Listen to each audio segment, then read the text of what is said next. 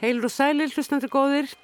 Þátturinn Orðum bækur hefur vekkferð sína inn í haust og vetur ársins 2021. Bókmyndirnar hafa þó sannlega ekki leið í dvala í sumar, þótt ferðalög, garðrækt og útisettur og torgum í sól og regni hafa ekki síður auðgað líf landans. Engverjir, já, kannski fleiri með höfum viljað, hafa svo um lengri eða skemmri tíma ekki mátt dandalast mikið um vegna áhættu á því að dreifa um sig veirunni vondu.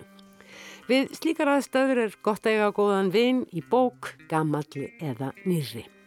Fjölmarkar nýjar bækur kom út í vor og sömar að vanda voru glæpassugur og huguleheita rómanar í fyrirrúmi sem lesendur tóku fagnandi ef markam á tónin í útgefendum varðandi bóksölu sömarsins. En það komu líka út bækur sem frekar er ætlað að höfða til þeirra sem vilja auka við þekkingu sína á aðskiljanlegustu málefnum. Einast líka ætlum við að skoða í þætti dagsins bókina Þvílíkar ófreskjur sem auður aðalstensdóttir sendi frá sér á dögunum og fjallar um bókmenta gaggrinni. Meira en þá bók hér rétt á eftir en í síðari hluta þáttarins verður svo byrjað á föstum lið hvers hausts í þættinum orðum bækur nefnilega að skoða bækurnar sem tilnemdar eru til bókmentaverluna Norðurlandaráðs. En fyrst er það þvílíkar og freskjur sem ekki er hryllingssaga heldur bókmentasaga.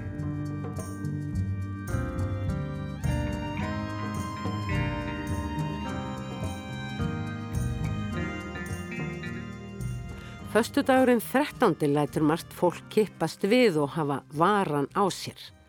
Margur rittöfundurinn hefur líka kifst við þegar að byrst hefur ofnbyr gaggríni á verk frá hans hendi skildi dómur gaggrínandans meta viðkomandi verk sem þvílíka ófresku eins og Jónas Hallgrímsson mat sömakabla Kristrans rýmna Sigurdar Breiðfjörð í grein sem oft er vísa til sem fyrsta rittdóms um skáldskapa á Íslandi og byrtist í fjölni árið 1837. Auður Aðalstensdóttir bókmyndafræðingur storkaði allri hjátrú þegar hún förstu daginn 13. ágúst 2021 fagnaði útgáfu bókar sinna sem ber einmitt titil ofan nefndrar tilvittnunar í Jónas Hallgrímsson og undir titilin um vald og virkni riðdóma á íslensku bókmyndasviði. Þögnuðurum var haldin í húsi Máls og menningar við lögaveg sem verðist þegar orðið nokkuð vinsæl vettvangur smerri viðburða í borginni. Fylgjár ófreskjur er nokkur doðrandur en hér eru á ferðinni bók sem byggir á doktorsritgerð auðar sem hún varði við Háskóla Íslands árið 2016. Auður er hlustandum rásar eitt ágætlega kunn en það unnið fjöldanallan af útvarsþáttum um bókmentir auk þess sem hún eru sjálf verið bókmentagagrinandi. Í bókinni Þýlikar og freskjur er farið yfir sögu bókmentagagrin á Íslandi allt frá upphafi og svo umfjöllun sett í samhengi við umheiminn á hverjum tíma og ströymar og stefnur greindar í tímans rás sem á menningarlegt gildi þeirra. Það var Jón Ólafsson, profesor og heimsbyggingur sem bauð gesti útgáfuhófsins velkomna og gerði heðarlega tilrönd til þess að lýsa þessum mikla verki. Sjálfur sér þá, þá kannski erfitt að, að lýsa í heilsinni verkin. Ég þekki þetta, þetta fyrst og fremst sem doktorsýtgerð og það sem auður auðvitað gerir þarna er að hún segir einlega sögu gaggrinni nánast frá upphafi til enda og það er kannski það sorglega í því að það er ákveðin endir sem að er á, á því, því mikla menningar hlutverki sem gaggrinendur höfðu á, á síðustu öll deginlega og það kemur nú líka fram, kemur líka fram svona í lok allavega eingangsins í dóttorsýtgerðinu og kannski einhver leiti henni sjálfur að ákveðinir áhyggjur af því hvernig uh, menningar umræðan sem að byrtist í gaggríni, uh, hvernig hún kannski breytist í svona meira margræta heimi. En mér fannst líka mjög gaman að, að taka þátt í, í þessari vinnu sem doktorsnemdar meðlumar á sínum tíma vegna þess að ég er raunni alin upp uh, við gaggríni sjálfur, þar að segja að fæðið minn var bókmyndagagrínandi og reyndar einn af þeim sem er fjalladaldu með þessari bók, þannig að að ég þekki vel þessa ófresku hugmynd sem að byrtist þannig í tillinum en ekki sem listamæður heldur sem hérna gaggrinanda sem var ráðist á einmitt fyrir að vera ófreskja.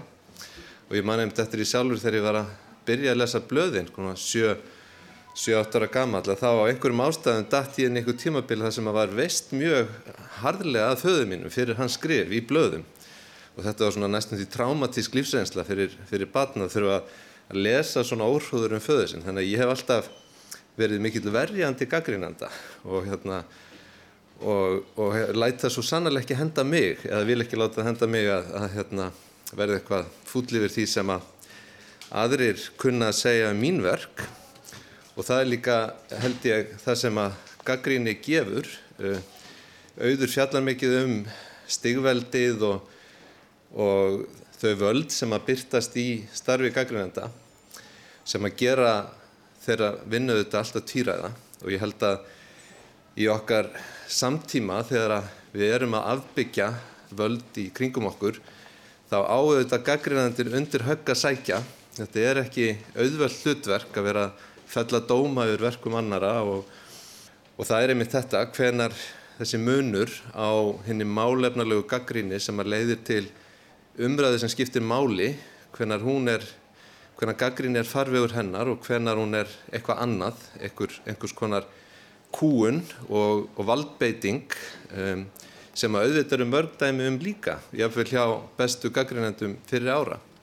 En ég held að einmitt vegna þess hvað gaggrínin er merkilegt fyrirbæri og, og marg slungið að þá er þessi bók uh, alveg ótrúlega merkileg, merkilegt ritt og merkileg umfjöldun um það og hérna, ég veit alveg að hún á ekki eftir að vera meðsölubók því miður en, en ég held að mjög margir uh, hefðu gaman og gott af að lesa hana og hún er bæði sögulega umfánsmikil og fróðuleg og hún er líka mínum að þetta alveg hörku greining á fyrirbærinu gaggrinni. Já, þetta er náttúrulega miklu lengra en tilstóð en auður, viltu þú ekki taka við?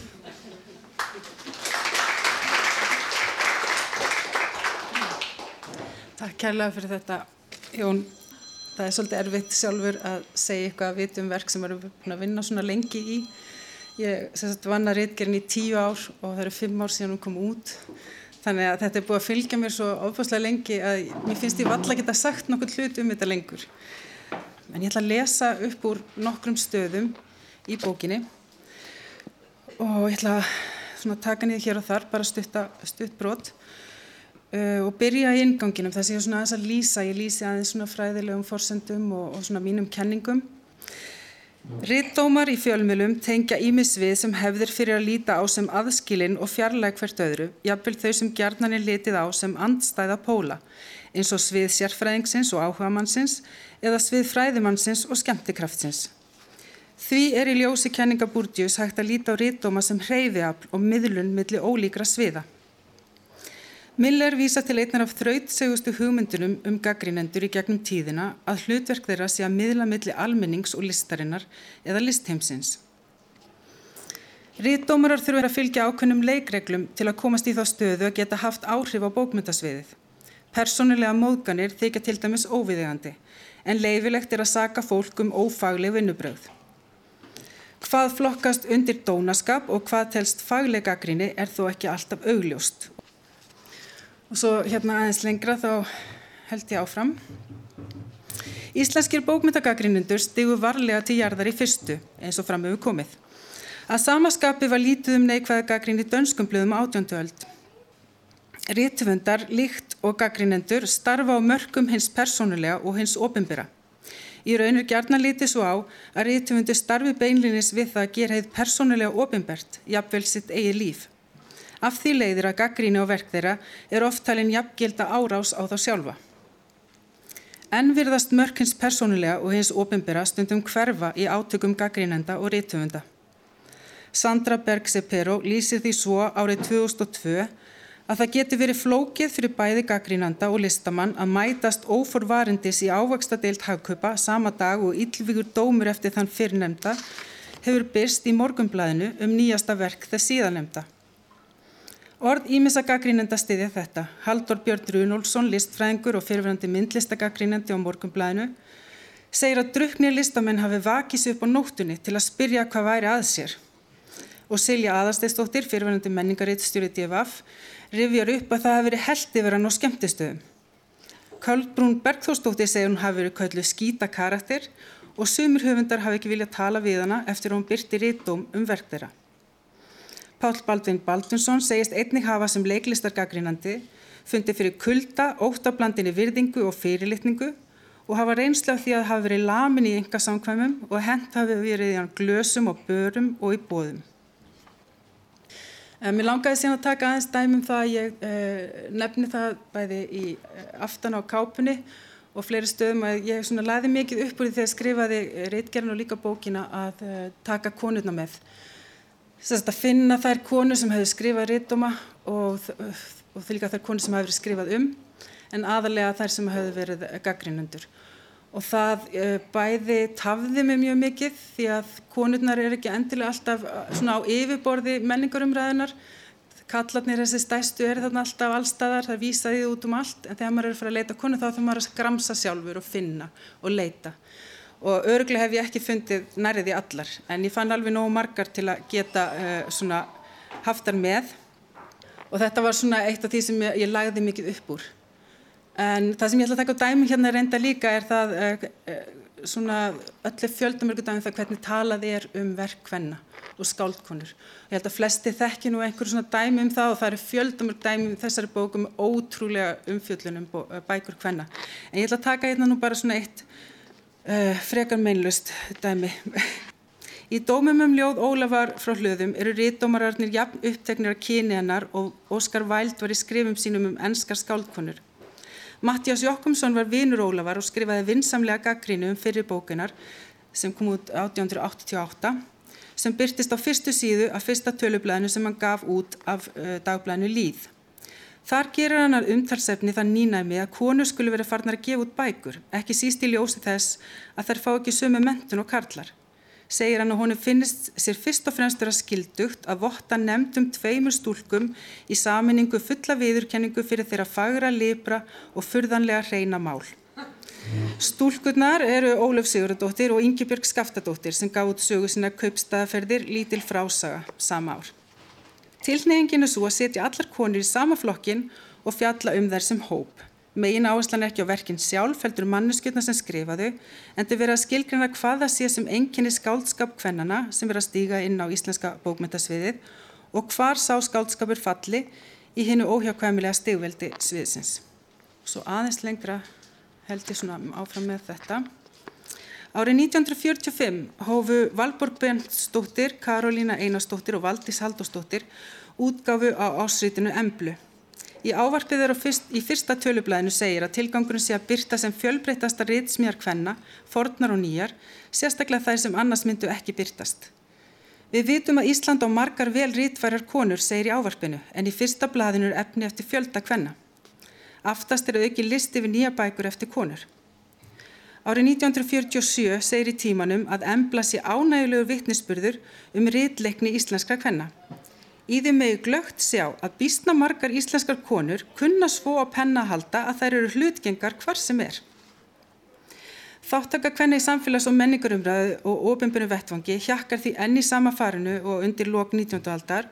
Hún fer fram á sér vettvangi og staldrar greinlega stutt við í menningaminninu því aftur og aftur vekur það undrun í búðum Karla að konur geti yfir höfu skrifa texta skamlust. Árið 1959 segir til dæmis í byrtingi að það megi teljast viðburðir í okkar bókmyndum þegar kona gefur út bók sem telja má til bókmynda. Tólf árum síðar brást Arnheður Siguradóttir við þessu minnisleysi bókmyndagagrínu sögunar með þeirri fullirðingu að sex fyrstu bækur Jakobínu Siguradóttir væru að vísu mikið framlag íslenskum bókmyndum á tiltölulega skömmum tíma en slíkt framlag hvenna sé þó sem alkunnugt er ekki nýtt hér á landi. Ég ætla að láta þetta duga sem lestur upp á bókinni en mér langar bara að lóka maður að þakka ykkur kærlega fyrir að koma. Það gleður mér ótrúlega mikið að þið skulle koma og fagna með mér. Þetta er búið að vera mjög langt og stundum mjög erfitt ferli og það er mjög gott að geta svona lókið því með að fagna þess. Takk fyrir.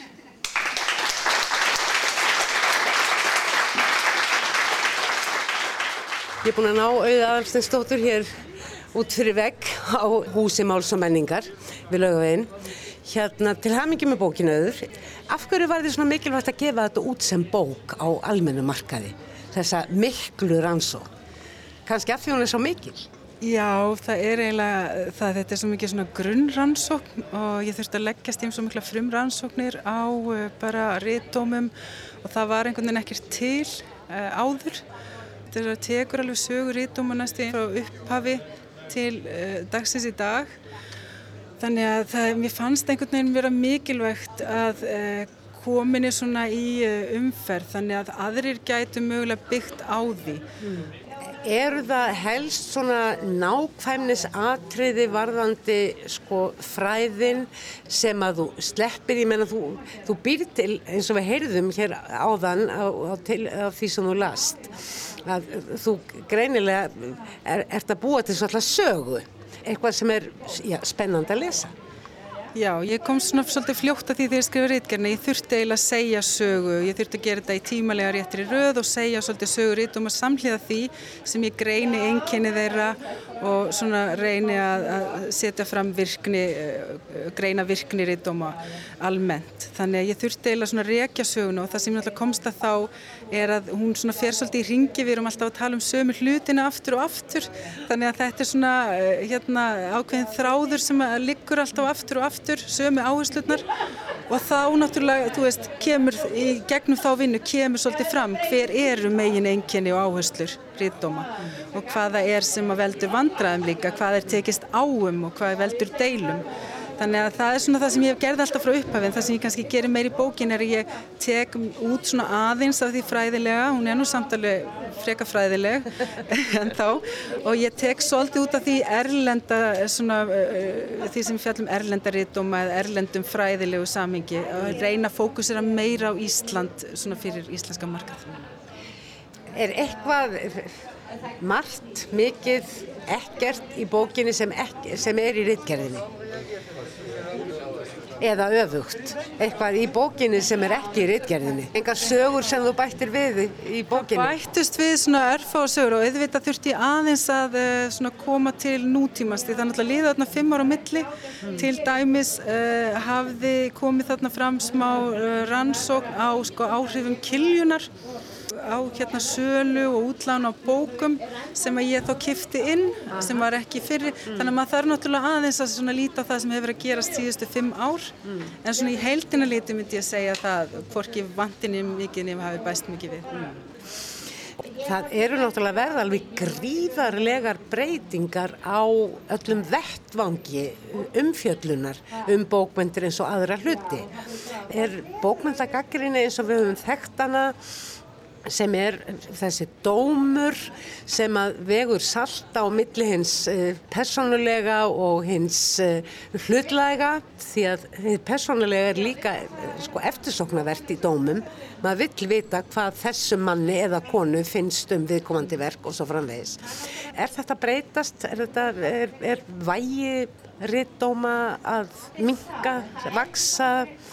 Já, ég held einmitt að það sé kannski að breytast og ef til vill er það að færast meira í áttina að þínu persónlega og þessi svona ofinberi slagkraftur, þessi dómur sem einhvern veginn fylgir líka prentmálinu. Það kemur fram líka í bókinni að ríðdómarnir eru svolítið afurð prentmiðilsins, fæðast mm -hmm. með honum og það er þessi slagkraftur sem þetta lesi eitthvað prentað á bladi eh, hefur svo mikið eh, svona dómaravald í raunni ekki lígu mótkin Já, einmitt. Og þá, það, þetta náttúrulega breytir svo mikið núna þegar allt er rafrænt og þú get, sérstaklega úr farin að geta komið aðtjóðsendir og fólki fara að geta rífist bara strax við þann sem er að fella dóm og grafa undan strax í aðtjóðsendakerfinu mm. til dæmis, þá breytist dýnamíkin svo mikið og ég held líka bara yfir höfuð sé hérna bara öll dýnamíka breytast í þess átt, það verður aðeins persónulegra, það verður svona aðeins stittra auðvitað og svo yfirborskendara jafnvel. Já, það verður það og það er svona kannski minna leifilegt að vera þá gaggrínin. Mm. Það sem gerist í prentmjölum að skapast ákveð svona rými fyrir uh, raunverulega gaggríni fyrir það að réttumur setur sér ákveð hlutverk það sem hann má segja næstum hvað sem er mm. og vera grimmur og hann á að vera það, hann á að vera reyðarlegur og grimmur En þetta til dæmis ef þú ætlar að fara að færa þessa gaggrinni yfir á Instagram eða einhverja svona netmila þá verður það aðeins flóknari því að það er personleiri tón og þá verður þetta kannski bara móðgandi og fólk tekur þetta bara óstund upp og sé, mér finnst ég að vera svona séð það að fólk er kannski ekki til í að um, taka því að gaggrinni þetta séu með harðir lengur. Þetta segir okkur eiginlega að þetta verk þitt er afskaplega mikilvægt að hafa einhver staðar í, í námönda við sig ef maður er að fjalla um bókmentir og skrifa um bókmentir sem eiginlega allir er að gera í dag ef svo ber undir. Já, einmitt. Og, en spurning er hvort þetta verði þá næstuði bara strax í að verða einhvers konar söguleg heimild um bara það hvernig hvert hlutverk uh, gaggrindan svar og við núna séum einhverjum byrjunurreit aftur því að það var eiginlega erfiðasti kaflin fyrir mín alltaf að skrifa var það að sá þannig í lokin hvert eru við að stefna því að það virðist bara ofbúslega óljóst. Eða síður hjartanlega til hamingu með þetta mikla verkuður það verður spennandi að, að slá upp í því í framtíðinni. Já, takk fyrir.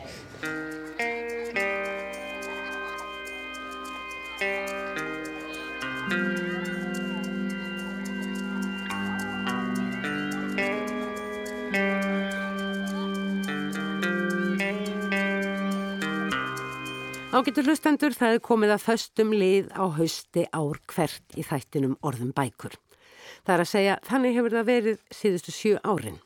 Eða frá því að ákveði var að öll verðlun Norðurlandaráðs skildu tilkynnt og afhengt samtímis á glæsilegri galasamkomu í höfuborg þess Norðurlandana sem höstþing ráðsins færi fram það árið. Árið 2021 er áætlað að þessi velunaháttíð fari fram annan november í Kaupmannhöfn. Hvort af slíkri stór samkomi verður er þó eins og allir gera sig grein fyrir alls óvíst. Árið 2020 fór afhendingin til dæmis einungis fram á sjónvarskjá en hefði átt að fara fram í hörpu.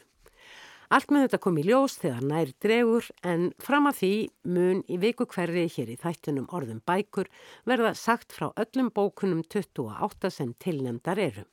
Annars vegar 14 verkum tilnemdum til barna og ólingabókmentaverluna Norðurlandaráðs og öðrum 14 verkum sem tilnemd eru til bókmentaverluna Norðurlandaráðs. Fullt hús sem sagt því öll sjálfstjórnaríkin, Grænland, Færegar, Samiska málsvæðið og Álandsæjar nýta þetta árið rétt sinn til þess að tilnefna til begja verlununa.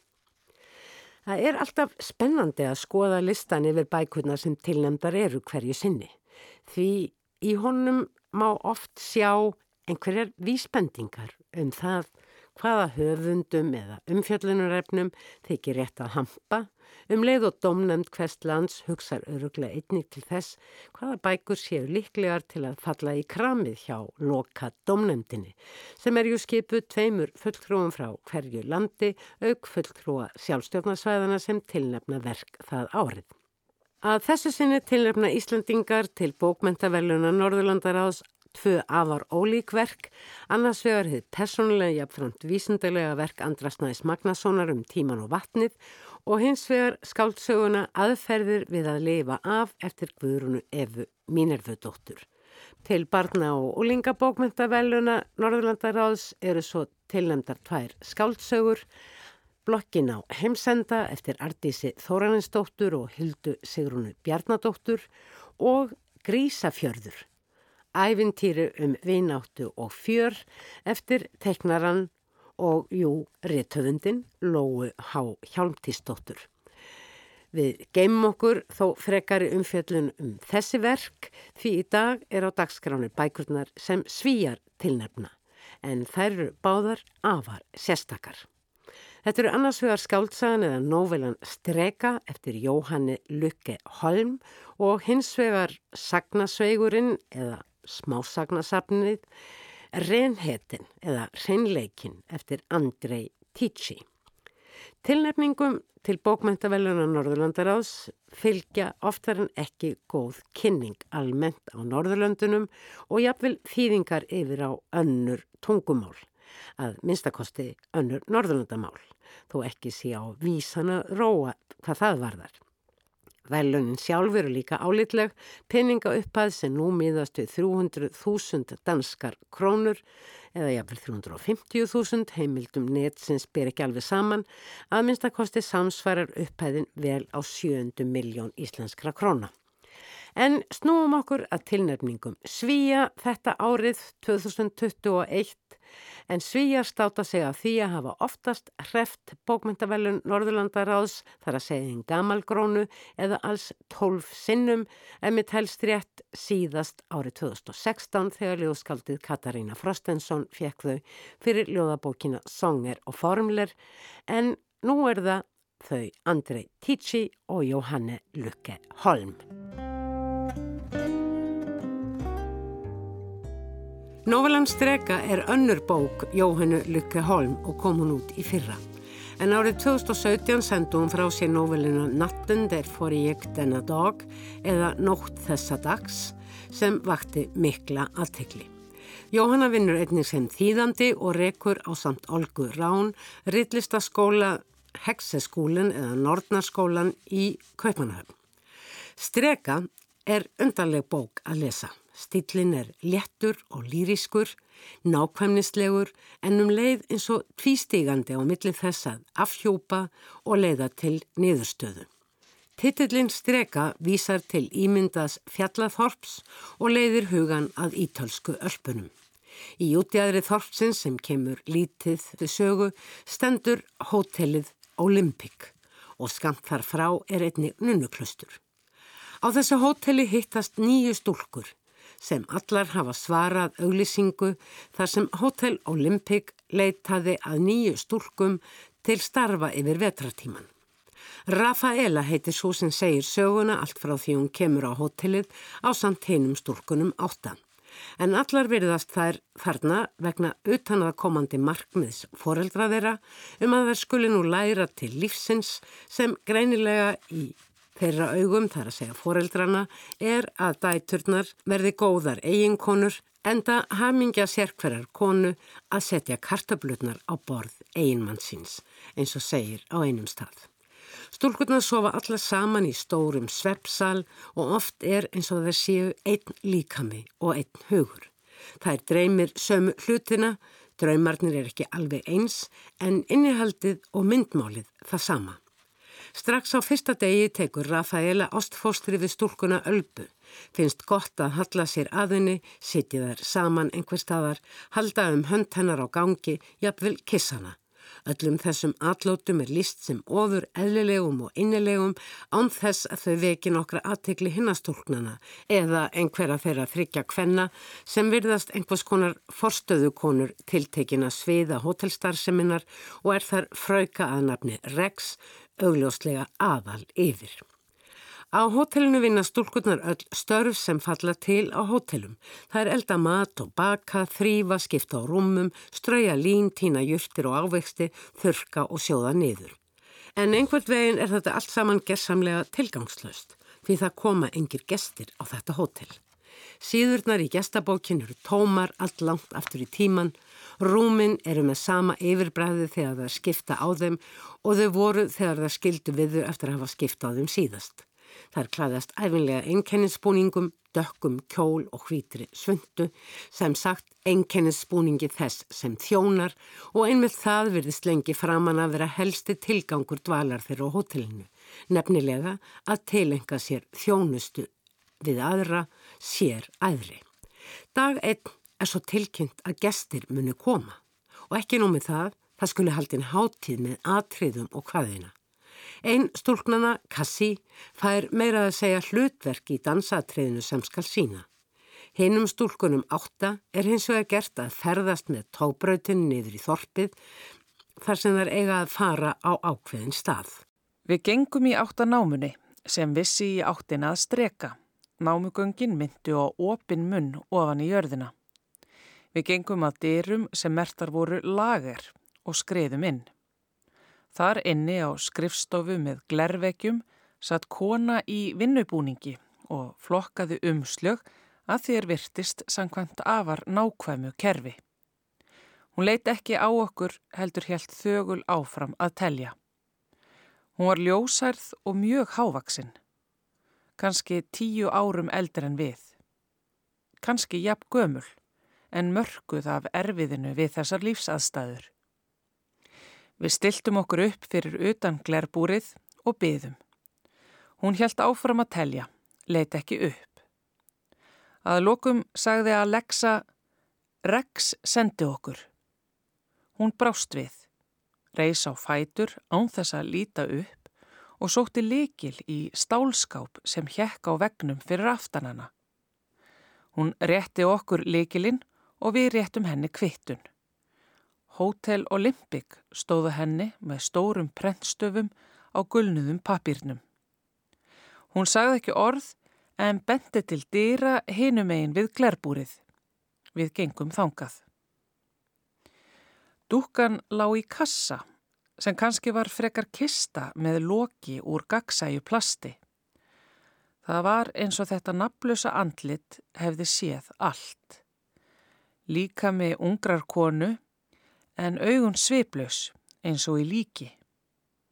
Lorka lifti lokinu og rendu höndinni í gegnum hárið á henni.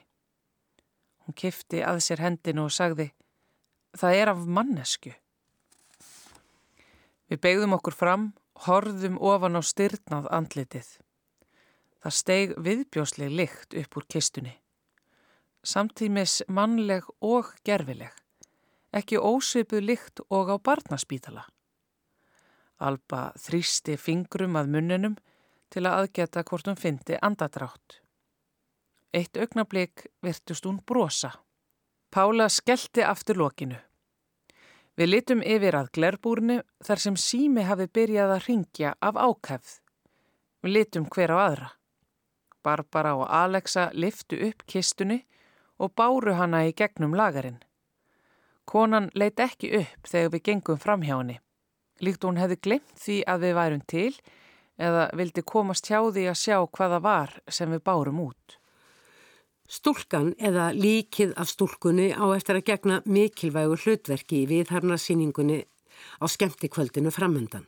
Þar sem forstöðu konurnar Tony, Kostas og Rex eru klættar í krumpaða flauiliskjóla en stúlkurnar eru eins og ekkjur í svörtum bómullarkjólum þar sem þær ganga um beina en eiga líka þegar líður á kvöldið að fá að taka þátt í ballinu. Ég bar um bakka með litlum glösum fylltum af dökku áfengi. Ég leitt niður fyrir mig þegar karlmenn ávörpuðu mig. Ég brosti og kinkaði kolli þegar konurnar gerðu hið sama. Ég sá Bambi vikja sér undan þegar ungur hermaður tókum handlekennar. Ég sá Lorka sína tennurnar þegar Karl á aldur við feður okkar bauðinu að setjast á hnéssér. Ég sá Pálu lúta fram og kvísla einhverju að manni í enkennisbúningi. Ég sá Gæju missa heitt vatn yfir hóp læknastútenda. Ég sá Alexu spýta á eftir ungu manni sem hafi strokið henn um lærið. Ég heyrði Kassi kvæsa gróflega á ungan mann sem bað hana að beigja sig fram. Ég sá Barberu draga gullkrossin fram úr hálslýningunni þegar prestur ætlaði að kissa höndinar. Ég sá Ölbu stíga fast ofan á fótin á manni og láta eins og það hefði gerst óvart.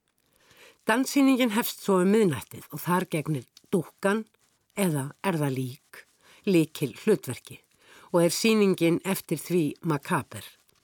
Að sýningunni lokin er stíðin dans, mikið drukkið og mikið reykt. Rendar reykja stúlkurnar mikið og oft og drekka líka inn á milli alls konar grasa eða ávastavín og jafnvel sett hvað sterkar að taka þeir inn, pillur ef því er að skipta. Að háttíðinni lokinu hverfa stólkurnar eina af annari til sveppsalarins, væntanlega allar líkt og sögu konan Rafaela vel hýfaðar sem fær umhverfið allt til að koma henni framandi fyrir sjónir og veldur því að henni líður illa og hún getur ekki sopnað. Hún lítur í kringum sig í salnum af einni sofandi stúlkunni til hennar næstu og eftir að hafa nefnt nöfn þeirra allra í tvígang áttar hann sig á því þrátt fyrir ástandsitt að það vandar eina. Kassi er horfin. Dægin eftir er Kassi er leitað og dægin þar og eftir líka. Á þriðja degi er kallaður til leitarflokkur og stúlkunna taka þátt í leitinni. Flestar fullvisar um að hún mun ekki finnast um leið og þar leitast við að halda í trúna um að hún hafi hlaupist á brott en sé ekki dáin. Þar finna reyndar á víð og dreif í mist merki um kassi, lítinn vasaspeil, háspennu, armband, gullhálskeðju og að lokum einnig svarta bómullarkjólin á botni gósbrunnsins.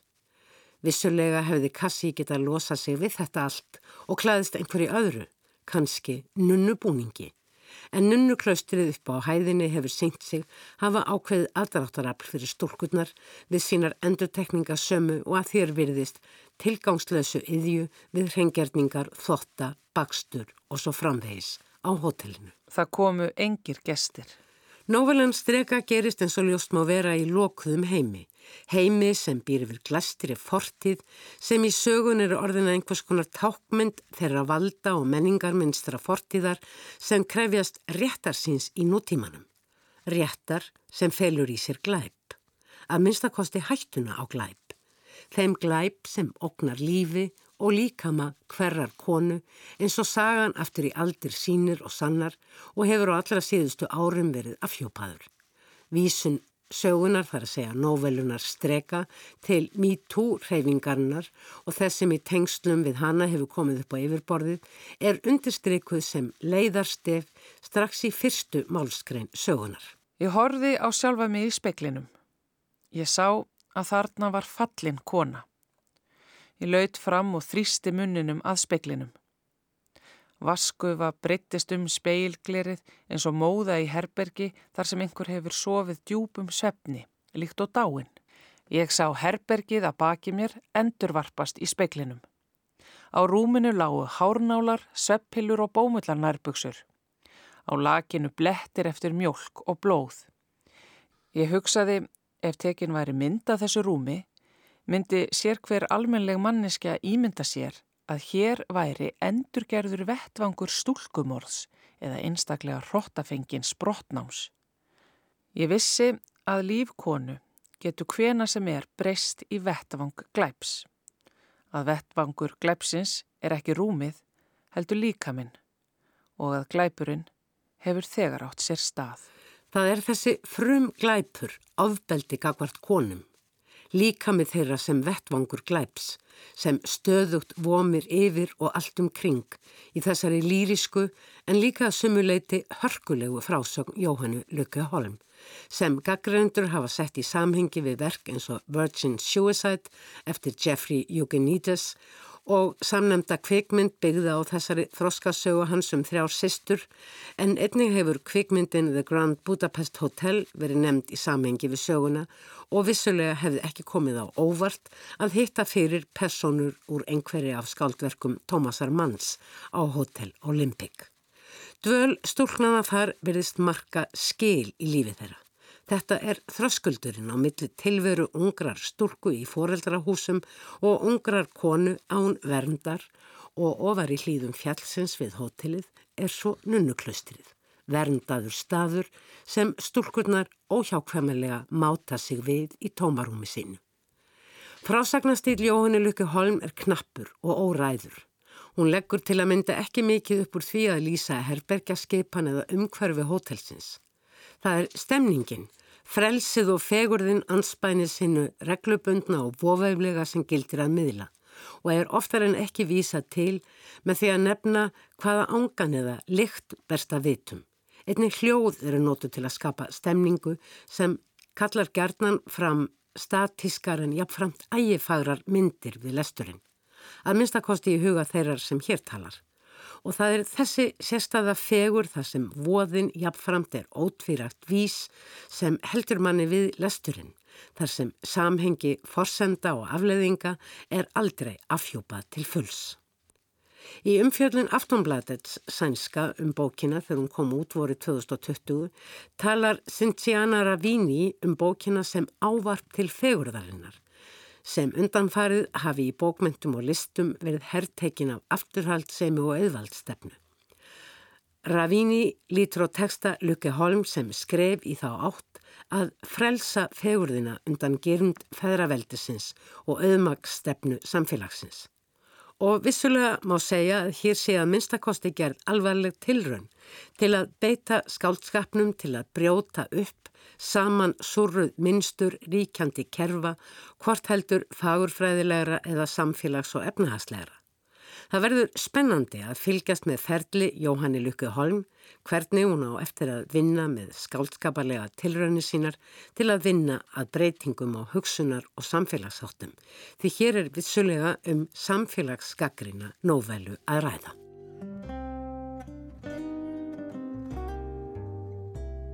Hinn bókin sem svíjar tilnefni hefur síður en svo yfir sínir ævintýra blæ, líkt og sagt var um sögu Jóhanni Lukke Holm. Smásagnasafnins mark velunaða Andrei Tíčís, reynhetin eða reynleikin, inniheldur 11 stittri frásagnir. Þar sem einnið þeirra, títilsögunni, er skipt upp í allmarkar ólíkar og afmarkaðar frásagnarattir og síðasta frásögnin er samsett úr tólf númereruðum hlutum en það ber svo yfirskriftina tólf frásagnir um listina að byggja brýr. Eins og áður sagði er Andrei Tíci marg velunadur fyrir fyrstu skáldsögu sína 6 lítrar á loftir hlaut hann Boros bókmyndavelunin fyrir bestu frumraun ársins 2005 og fyrir skáldsögu sína Kairos hlaut hann árið 2013 ágústvelunin sem eru aðal bókmyndavelun Svíþjóðar. Og fyrir þá bók var hann einnig tilnemdur til bókmyndavellunar Norðurlandaráðs og var það öðru sinni að verk eftir Tíci hlaut tilnefningu því önnur skáltsaga hans felt hlaut tilnefningu árið 2009 og var svo einnig tilnefnd til bókmyndavellunar sænska ríkisútvarsins. Andrei Tíci fætist í Prag árið 1978. Fadur hans er tekneskur en móðurinn pólsk. Aðeins þryggja ára fylgdi Andrei Fóreldrunum sínum þegar þau flúðu Tekland og settu stað í Málmu í Svíþjóð þar sem Andri býr enn.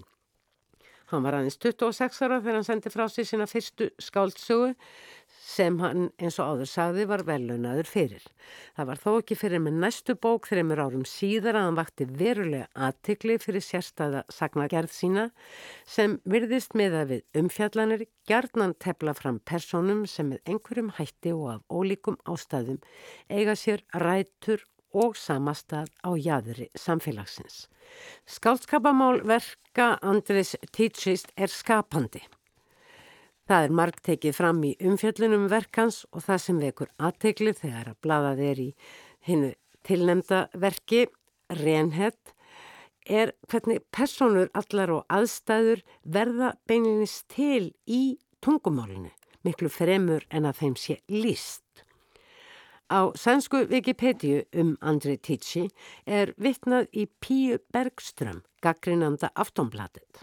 Með snildar tökum á tungumálunu þar sem slamljóðræna nýtunga samtímans, hábókmenta heimsbyggilegt tungutak fljættast saman er þeim bræður okkar sem í uppvextinum sátu æfinlega uppi með hundana gefin rött.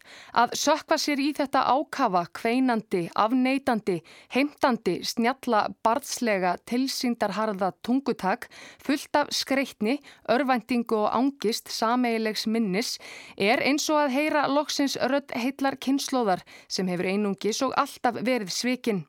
En þrátt fyrir myrkrið, þrátt fyrir algeran skort á von og trú, er þessi sorgarsöngur sprikland af lífi. Það kemur ekki fram á sannsku Wikipedia hvaða verki Títsís Pía Bergström lýsir hér en þau eiga mjög vel við smásagnasafnið Hreinleikin sem nú er tilnæmt. 11 frásagnir, 8 af þeim heilstadar eins og áður sagði en þar er lang oftast ungur kallmaður að segja frá. Við upphaf hverra þessara frásagnar er eins og stokkið inn í hverstagslegar aðstæður. Í lest, í heimahúsi, fangelsi, verslun, bíl. Svo gerist eitthvað. Eitthvað brítur upp hið venjulega og tíðindalösa og við það fer holskepla að stað. Ekki beint atburðar ás, nema þá ímynduð heldur taka minningar að flæða fram. Eitthvað hefur gerst, ekki eitt, heldur margt í fortíðinni, flest slæmt og áráttur eru ríkjandi eiginleikar flestra personana. Fyrsta sagan, utbrott eða gósið, hefst svona. Allt byrjar með rödd. Ég skal spark úr þér tennunar. Síðan sé ég mann. Hann gengur eftir gangi vaksins um leiðan hann hrækir út úr sér ógnandi frösum. Ég stend við útgöngudirnar að aftan við hliðin á barnavagni. Ég var í 75 ára afmæli móður minnar sem lit með hafa tvo fulla plastpoka af ávöxtu. Eppli, appelsínur, perur, granatepli, kífi og vínber. Ég hef sett pokana á milli fóta mér en ítið nú varlega nær vegnum svo engin ávöxtana rúli út. Um leið ímynda ég mér að hann sé að tala í síma. Það er einhver líkara en ég hafi gefið honum og ógnunum hans rými. Svo líti ég upp aftur nefnir þegar hann gengur fram hjá mér. Og ég sé að hann er ekki að tala í síma heldur er hann að tala við okkur farþegana. Þið viti ekki hvað ég er. Skeppna. Ég berði í spað. Skilur um mig. Ég er skeppna. Hávaðasegurinn heldur áfram að öskra yfir farþegastrætisvaksin sem neykslast og kalla framferði hans ofbeldi með orðum.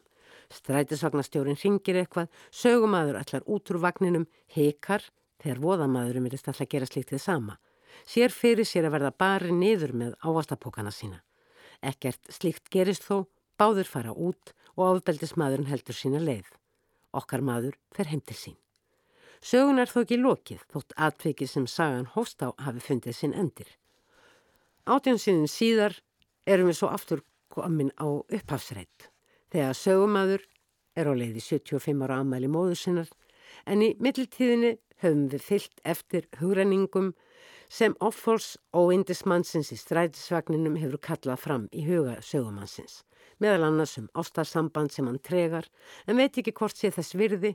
Hann hafði síðar hitt stúlkuna sem þá var augljóslega á einhverju.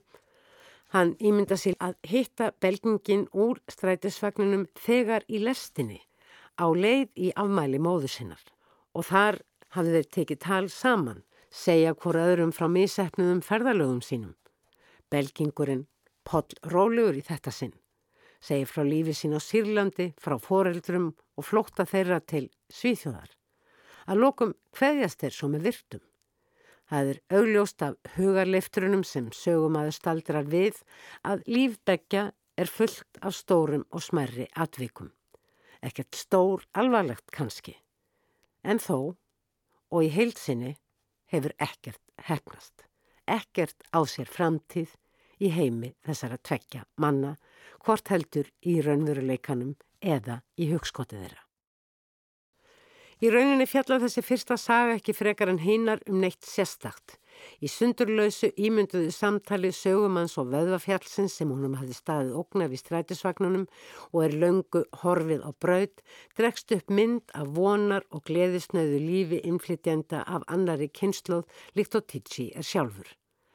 Að samaskapi er lífdæmt smorðingja í sögunni styrka og helhet, styrkur og held, án vonar og gleði.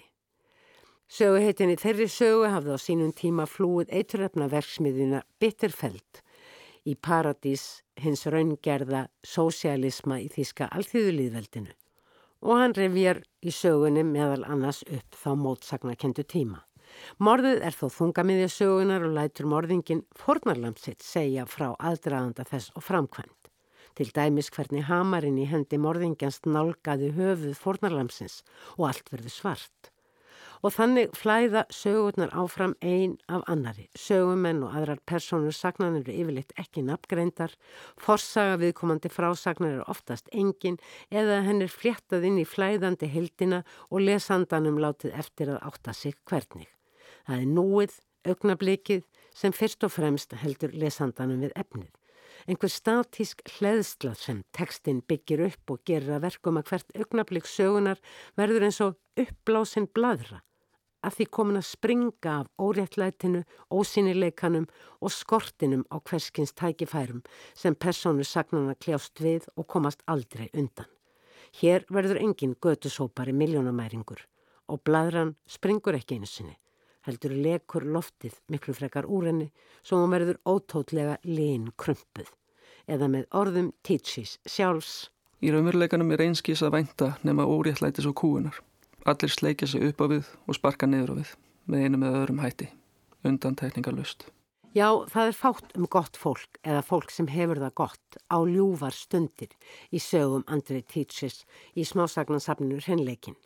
Gaggrínandi sænska dagblæsins Expressin kemst vel að orðið þegar hann segir bókina fjalla um ofbeldi stjættasamfélagsins. Þar sem fólk klappar náunga sínum á aðeins á bakið til að finna staðinn þar sem henduast er að reyka hnífin. Óhugnalegt, ömurlegt. En stílsagnana er með þeim hætti að lesandin dregst inn í þær.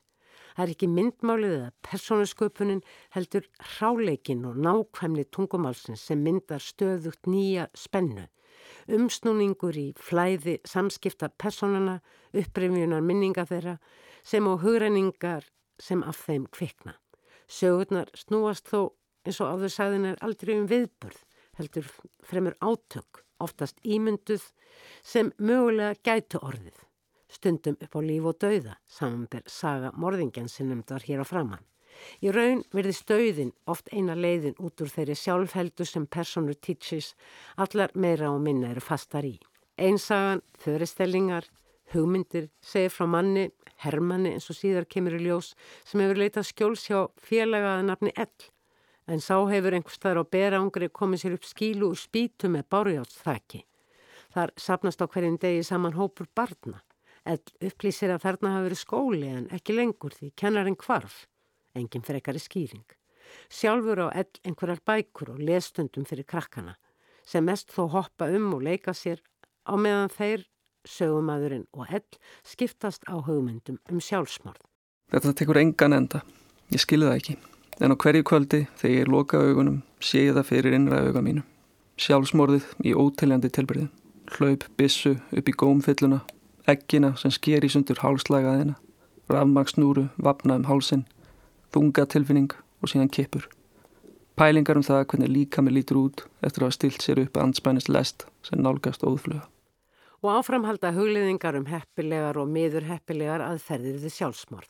Það getur til dæmis verið varhugavert að kasta sér fyrir bíl. Það getur mislukast og enda með beimbróti. Jáfnvel sektum fyrir skemmtir á bílum.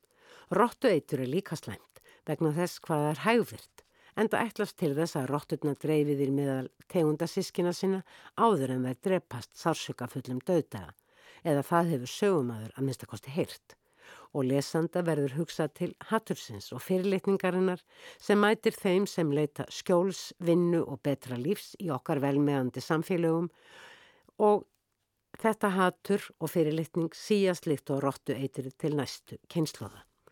Hér hefur ögn verið tæft á hluta þeirra áttasagna bókarina reynhet eða reynleiki eftir Andri Tíci sem hver fyrir sig er einn heilt. Síðustu sögurna þrjár eru annars eðlis eins og áður sagði samsettar úr ólíkum frásagnaröttum. Í titilsögunni reynhet hafa eigendur allra ratana eitthvað með þrif að gera, en ekki hvað. Þetta eru manneskjur og jæðri samfélagsins og verða lýsingarnar á óaflátanlegum þrefum, klósetta, golfa og borða og skemmtistöðum hreint skerandi myndkverfing þess hvernig fólk sem kemur inn í samfélag okkar fær þar aðeins þess vegna þess að það sér til þess að umhverfu okkar sem þar erum fyrir sé æfinlega kvít skúrað og skínandi hreint.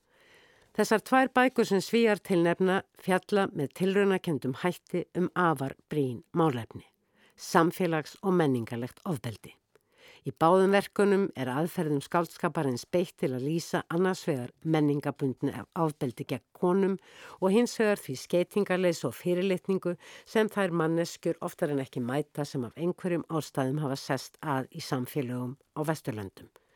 Tekstin í nóvelinu streka eftir Jóhannu Lykke Holm er knappur í vel formaðri ljóðræni sinni þar sem ógnin er aldrei nefnd en liggur allstaðar í leini. Tekstin í smásögum Andrei Tíchis er eins og að rár og flæðandi í viltum húræningatengslum personuna sem stundum er ekki auðvelt að henda reyður á. Báðir höfundarnir leytast þó við að skerpa tilfinningu lesandans. Tilfinninguna fyrir óréttlætinu og ísmegilegu ofbeldinu sem valdið leifir að letið sér framhjá. Fleiri verða orðum bækur ekki að þessu sinni. Teknimaður þessa þáttar var Yngvar Alfredsson. Takk fyrir að hlusta. Verði sæl.